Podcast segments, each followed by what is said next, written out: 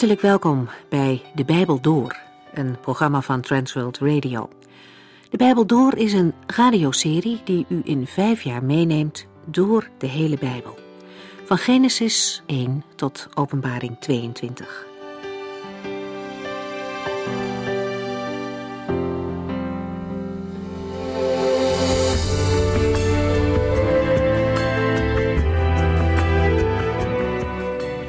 De uitzending van vandaag zijn we toe aan Genesis 25.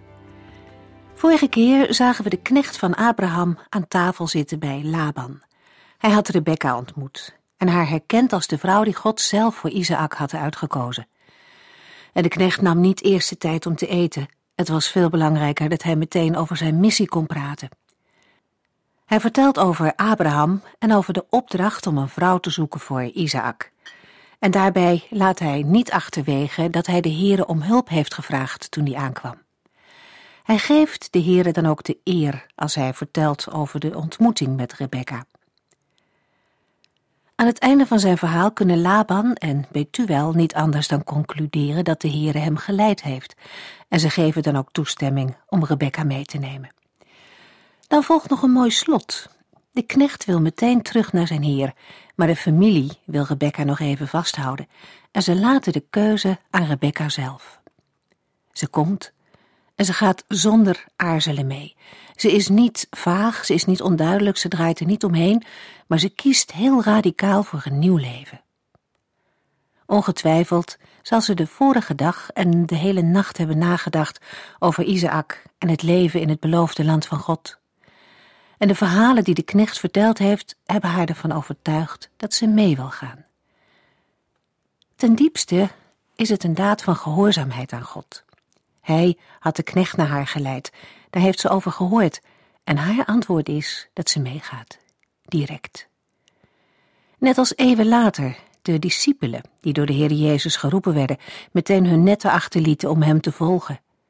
En nu, nog weer eeuwen later, mogen wij ook vol overgave Jezus Christus volgen, zonder aarzelen.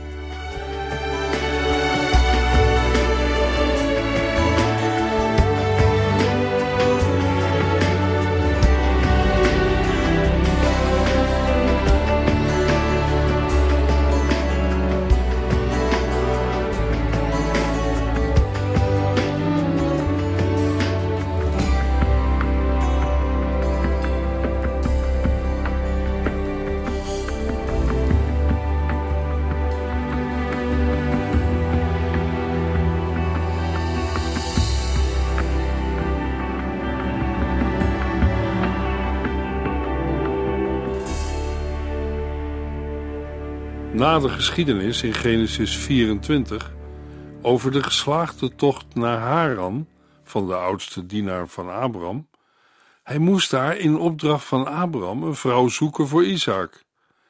In Haran vond hij Rebekka en reisde met haar terug naar Canaan. Aan het slot van Genesis 24 lazen we: Isaac ging van haar houden en vond zo troost na de dood van zijn moeder. De geschiedenis van Abraham loopt naar een einde. Genesis 25. Genesis 25 vertelt over de dood van Abraham en de geboorte van een tweeling bij Isaac en Rebekka, Esau en Jacob. Daarnaast worden de nakomelingen van Ismaël, maar ook de nakomelingen van Isaac vermeld. Het bijzondere van Genesis 25 is het incident tussen Esau en Jacob over het geboorterecht. Met Genesis 25 wordt de geschiedenis over het leven van Abraham definitief afgesloten. Eigenlijk zou je Genesis 23 ook al kunnen zien als een afsluiting toen Abraham zijn oudste dienaar uitzond om een bruid voor Isaac te zoeken. Genesis 25, vers 1 en 2. Abraham hertrouwde met Ketura en zij werd de moeder van Simran, Joksan, Medan, Midian, Jisbak en Suach. Tussen de dood van Sarah en Abraham liggen 38 jaar. Het lijkt erop dat Abraham in die periode Ketura trouwt en nog meer kinderen krijgt. Misschien vraagt iemand: Ik dacht dat Abraham ten tijde van Isaaks geboorte te oud was om nog kinderen te krijgen. Dat hebben we inderdaad gelezen. We hebben het gelezen in Genesis 11 en in Genesis 18. Dit maakt het niet waarschijnlijk dat Abraham op zo'n hoge leeftijd nog kinderen kon verwekken. Maar wat bij mensen onmogelijk is, kan bij God wel. Daarom geloof ik dat Abraham bij en na de verwekking van Isaac nieuwe krachten kreeg. De wegzending van de kinderen van de bijvrouwen vindt in ieder geval plaats na de geboorte van Isaac. Vers 6. De opsomming van de zonen is bedoeld om de vervulling van Gods belofte aan Abraham duidelijk te maken. Abraham zou vader worden van veel volken. Genesis 17, vers 4 tot en met 6. De familielijsten, die worden genoemd, hebben een ongebruikelijke opbouw. Van de zes zonen van Ketura worden alleen van de tweede en de vierde zoon de kinderen genoemd. Daarna alleen de nakomelingen van Dedan, de tweede zoon van Joktan. In totaal staan er zestien namen. Van belang zijn de namen van Medan en Midian. De andere nakomelingen zullen ook volken voortbrengen, maar komen niet meer voor in de komende geschiedenissen en gebeurtenissen. Degenen die wel genoemd worden, komen we later bij allerlei gebeurtenissen weer tegen. Bijvoorbeeld bij Mozes. Hij gaat naar het land Midian en vindt daar een vrouw. De Midianieten stammen uit de familielijn van Abraham, en dat geldt ook voor de Medanieten. We zien dat er andere zonen van Abraham zijn, maar de Heer heeft gezegd dat via de lijn van Isaac gesproken zal worden van Abrahams nageslacht. Niet via Ismaël, niet via Midian, niet via Medan. Ze werden alle nomaden in de woestijn. Genesis 25, vers 5 tot en met 10. Abraham vermaakte zijn hele bezit aan Isaac. De zonen van zijn andere vrouwen gaf hij geschenken, en daarna stuurde hij hem weg naar het oosten, bij Isaac uit de buurt. Toen stierf Abraham. Hij was 175 jaar oud geworden. Zijn zonen Isaac en Ismaël begroeven hem bij zijn vrouw Sarah in de grot van Machpelah bij Mamre, in de grond die Abraham had gekocht van Efron, de zoon van de Hethiet Sogar. Ismaël komt ook voor de begrafenis. Per slot van rekening is Abraham ook zijn vader. Daarom begraven Isaac en Ismaël samen hun vader Abraham. Daarna vertrekt Isaac naar de plaats waar hij Rebekka voor het eerst ontmoette en gaat er wonen. Genesis 25, vers 11. Na Abrahams dood zegende God Isaac rijkelijk. Hij woonde bij de bron Lachai Roi in de Negev. In het voorgaande is de Toledot, de geschiedenis van Terach, de vader van Abraham, beschreven. Want God koos één van zijn drie zonen, Abraham, om daarmee verder te gaan. Abraham heeft bij Sarah één zoon. De andere zoons tellen hier niet mee. Er vindt geen splitsing plaats. Daarom is er geen Toledot, geschiedenis van Abraham. Dan komen we bij Ismaël en Isaac en gaat het om hun nakomelingschap. Die van Ismaël wordt in de vorm van een stamboom verteld en is heel beknopt. Die van Isaac komt breedvoeriger ter sprake vanaf vers 19. Daarvoor worden in vers 12 tot en met 18 de nakomelingen genoemd van Ismaël, de zoon van Abraham, die Hagar, de Egyptische slavin van Sarah, hem schonk. Wat we al vaker zagen, zien we ook hier. Eerst komt de zijlijn van Ismaël ter sprake en daarna volgt de hoofdlijn van Isaac. De hoofdlijn leidt uiteindelijk naar Christus en wordt nu verder gevolgd. Genesis 25, vers 19. Dit is het verhaal van Isaac en zijn kinderen. Dit is de familielijn die we nu gaan volgen. Abraham was de vader van Isaac, Isaac was de vader van Jacob. Zo begint het eerste hoofdstuk van het Evangelie naar Matthäus. Elk van deze mannen had andere zonen. We zagen dat ook bij Abraham, maar de familielijn van die mannen wordt niet gevolgd. Ismaël, Midian en Medan en alle anderen komen niet meer aan de orde.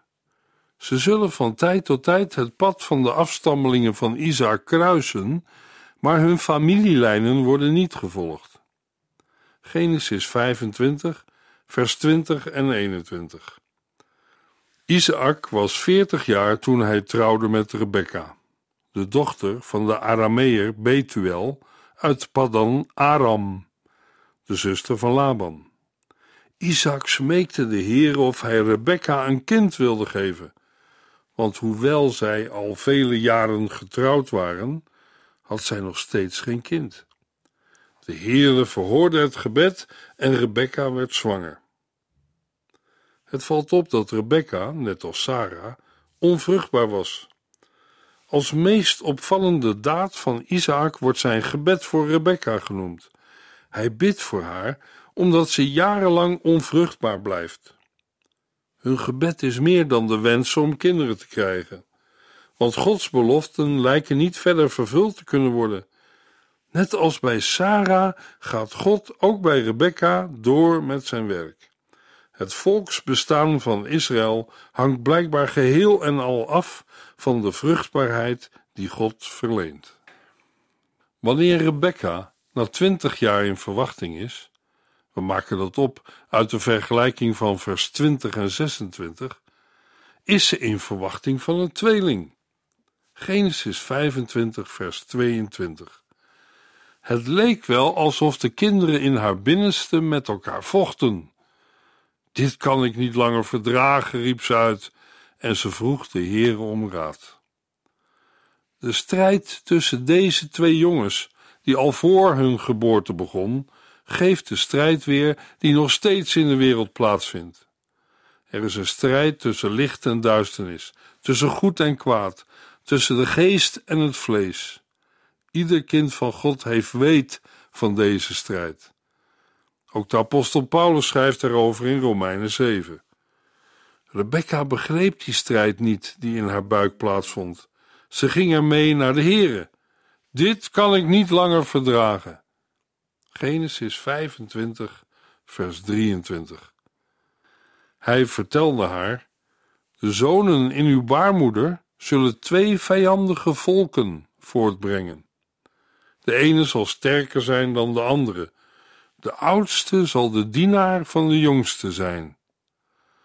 God vertelt Rebekka dat de oudste zoon de jongste zal dienen.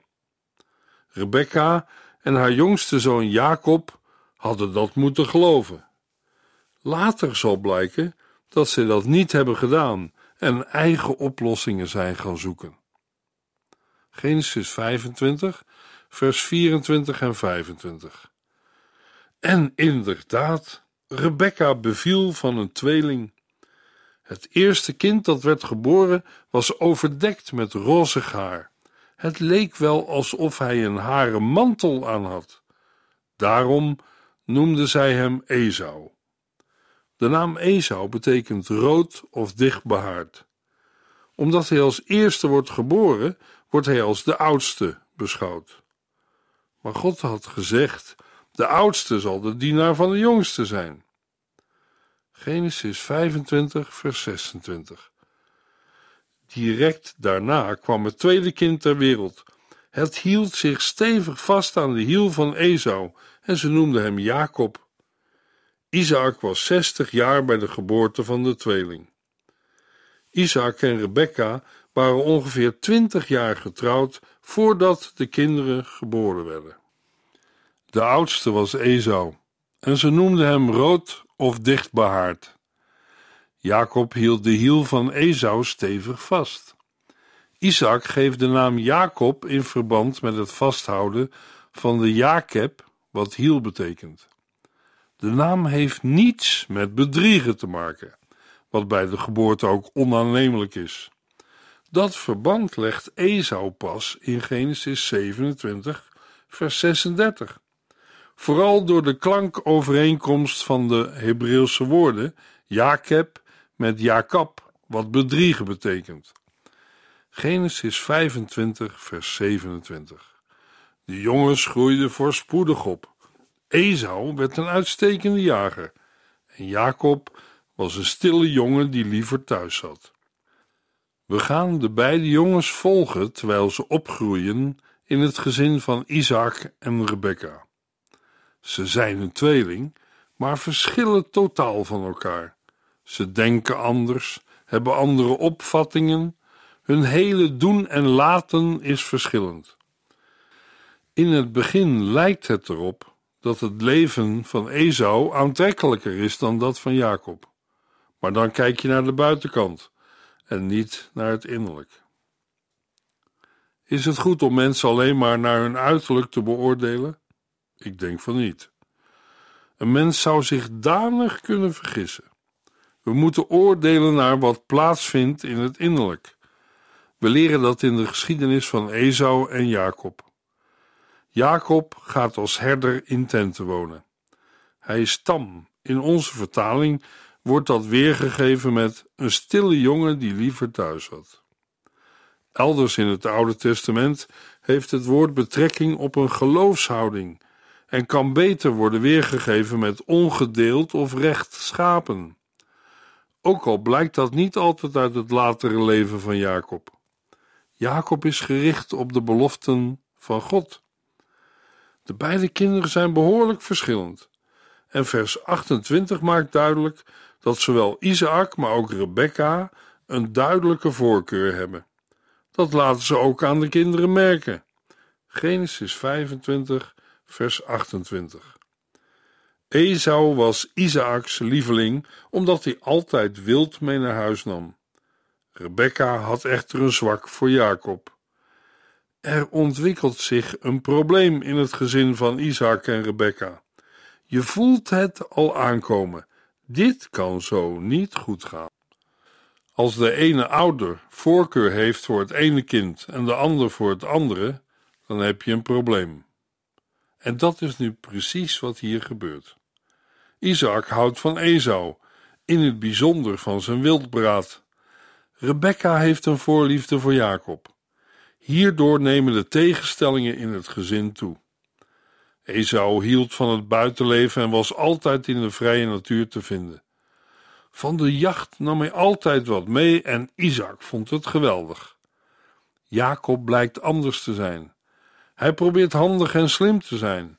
Hij maakt er geen probleem van om de dingen naar zijn hand te zetten. Dat hij daarbij soms dingen moet doen die absoluut verkeerd zijn, lijkt hem niet echt te raken. Op dat punt gaat de Heer God Jacob aanpakken.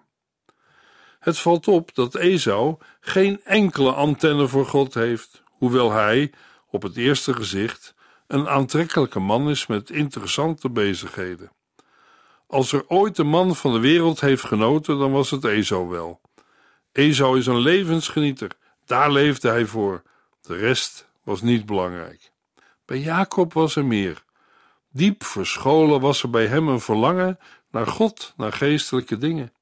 Het heeft hier God heel wat tijd gekost om het verlangen naar geestelijke dingen onder het puin van Jacobs leven naar boven te halen.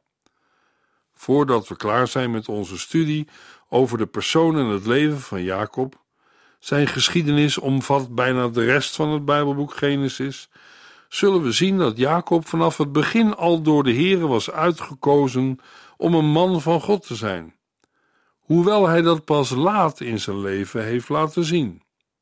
We gaan het gezin van Isaac en Rebecca volgen. Hun voorkeur voor een van hun kinderen boven de andere. Het geeft problemen en conflicten. Je kunt het niet direct een gelukkig gezin noemen. Genesis 25, vers 29 tot en met 32.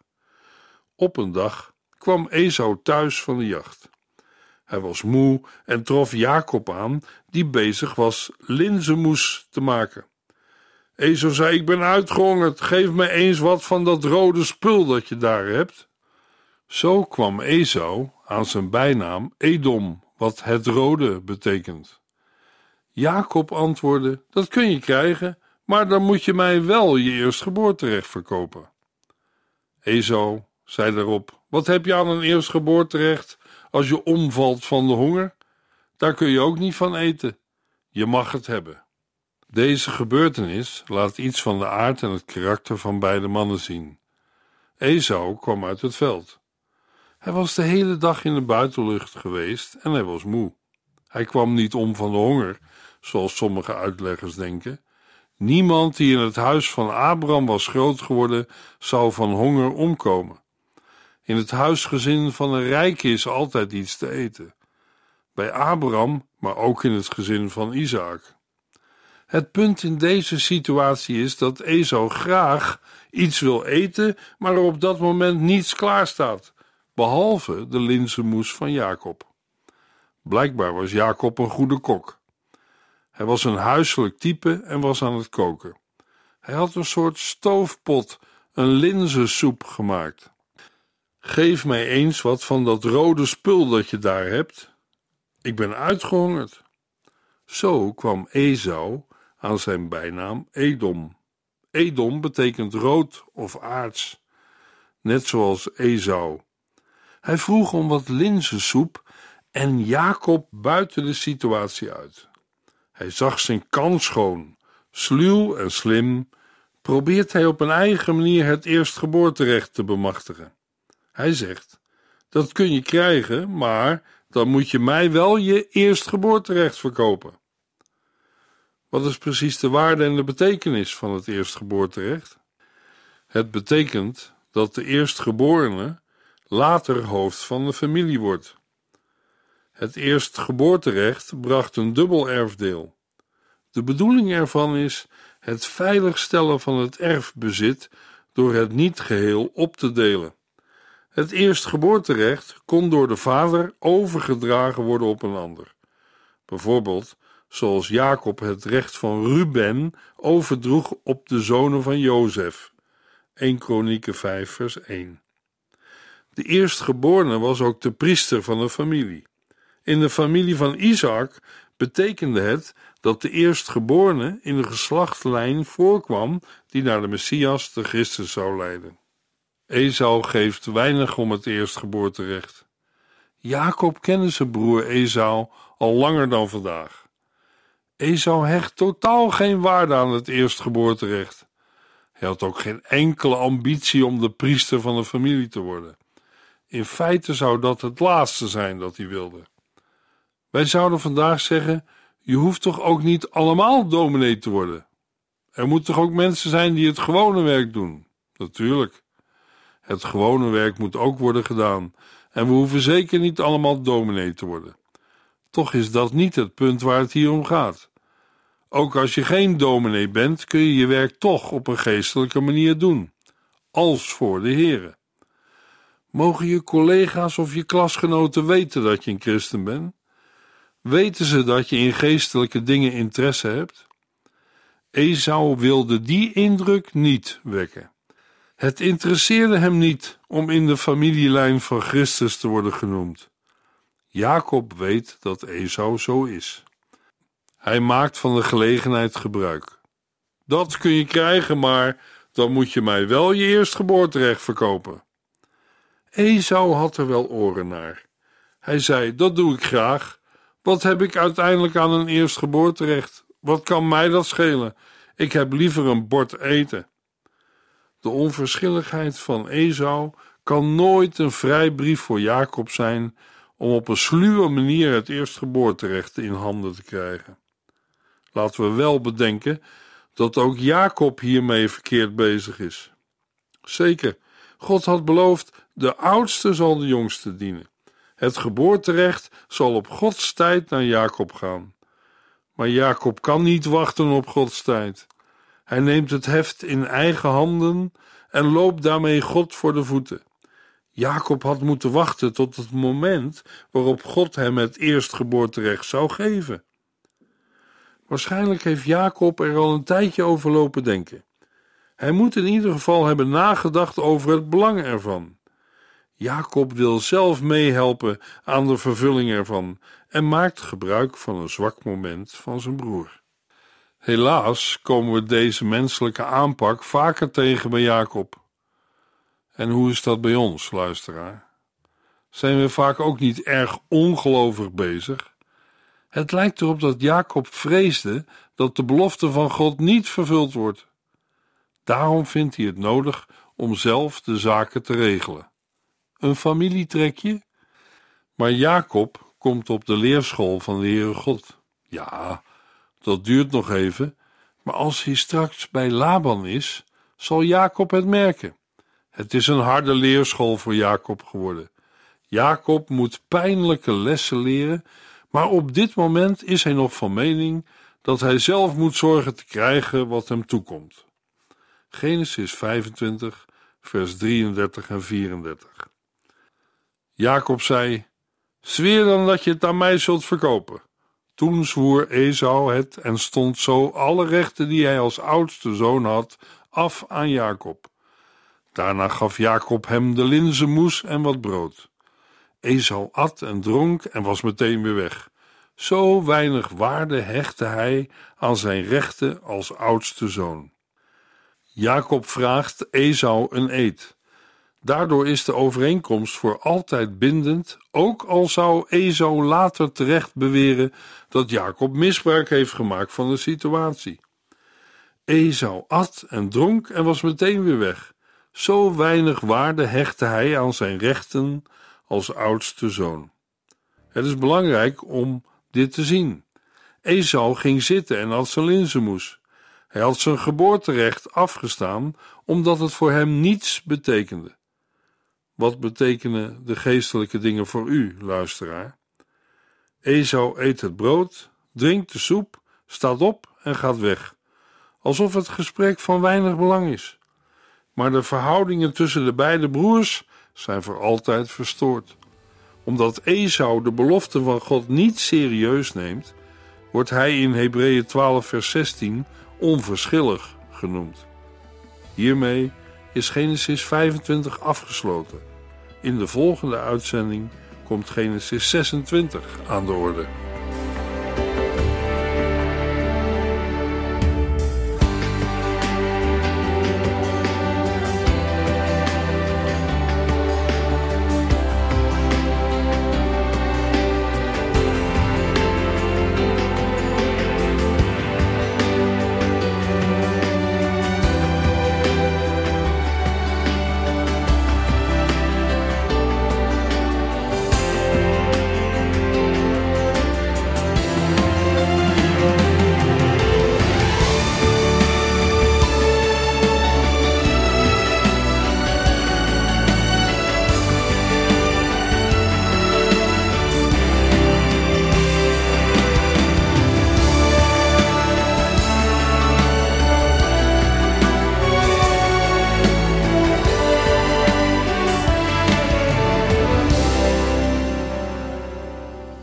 Geluisterd naar De Bijbel Door.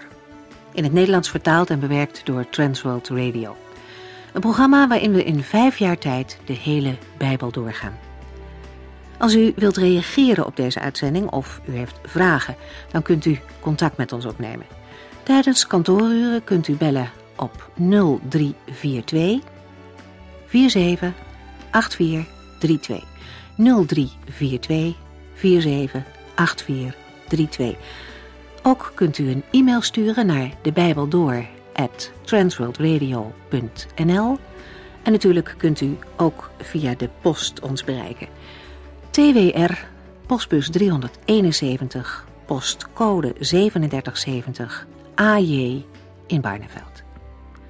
Dit programma werd gepresenteerd door Cor Weda en Ike André. Techniek was in handen van Odin van Woerdekom. En wij allemaal bedanken u voor het luisteren.